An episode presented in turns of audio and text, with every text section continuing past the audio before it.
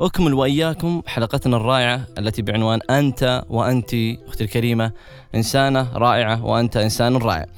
تكلمت عن بعض المواهب اللي ممكن إنسان ينميها من خلال موهبة صوته أو موهبة إلقائه أو موهبة شعره إلى آخره. المواهب كثيرة أنا ما راح أحصرها جميعا. ولكن على سبيل المثال أيضا نضيف لها موهبة التصوير والرسم. كثير من الناس الآن بدأ يبرز ما شاء الله في هذا الجانب.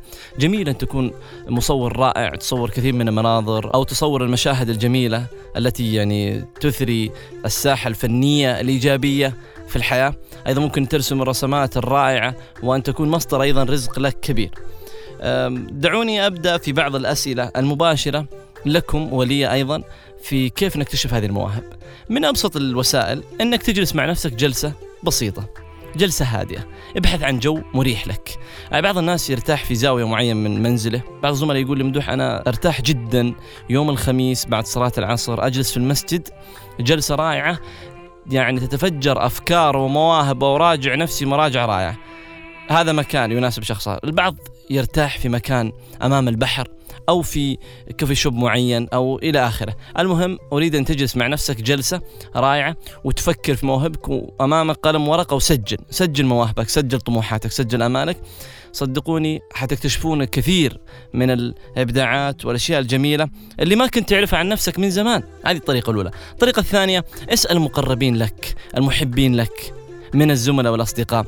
اسأل زملائك ما هي المواهب الجميلة اللي تعجبكم فيها؟ حيذكرون لك بعض النقاط. أنت ركز اكتب وسجل معاهم ثم فلتر فيما بعد. في هذه النقطة تعجبني صحيح هذه النقطة أنا ما أحب أمارسها هذه النقطة أنا أجامل فيها هذه النقطة فعلا موجودة فيها والناس مبسوطين فيها إلى آخره. الفكرة الثالثة اسأل الأساتذة أو قيادات الفرق العملية التي عملتم معها. إيش الأشياء اللي عجبتكم معايا؟ إيش الأشياء اللي أنا أتقنتها في أدائي؟ هذه أيضا آه، إضافة رائعة جدا من الطرق اللي ممكن تكتشف مواهبك اللي ممكن أنت غافل عنها. هناك أيضا طرق أخرى آه، غير السؤال وغير الجلوس، هناك اختبارات في الشخصية عديدة كثيرة جدا موجودة لدى المراكز التدريب، موجودة لدى بعض المدربين، وموجوده أيضا في الإنترنت. تستطيع أنك تكتشف موهبتك من خلالها وتركز على هذه المواهب بشكل رائع جدا.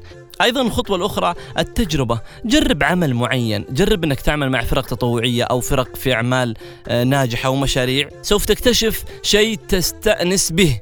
استمتعت فيه استمتاع كبير. ممكن تكون موهبتك أو مصدر رزقك أو مصدر سعادتك من خلال هذا العمل اللي قمت فيه وأنت ما أنت شاعر.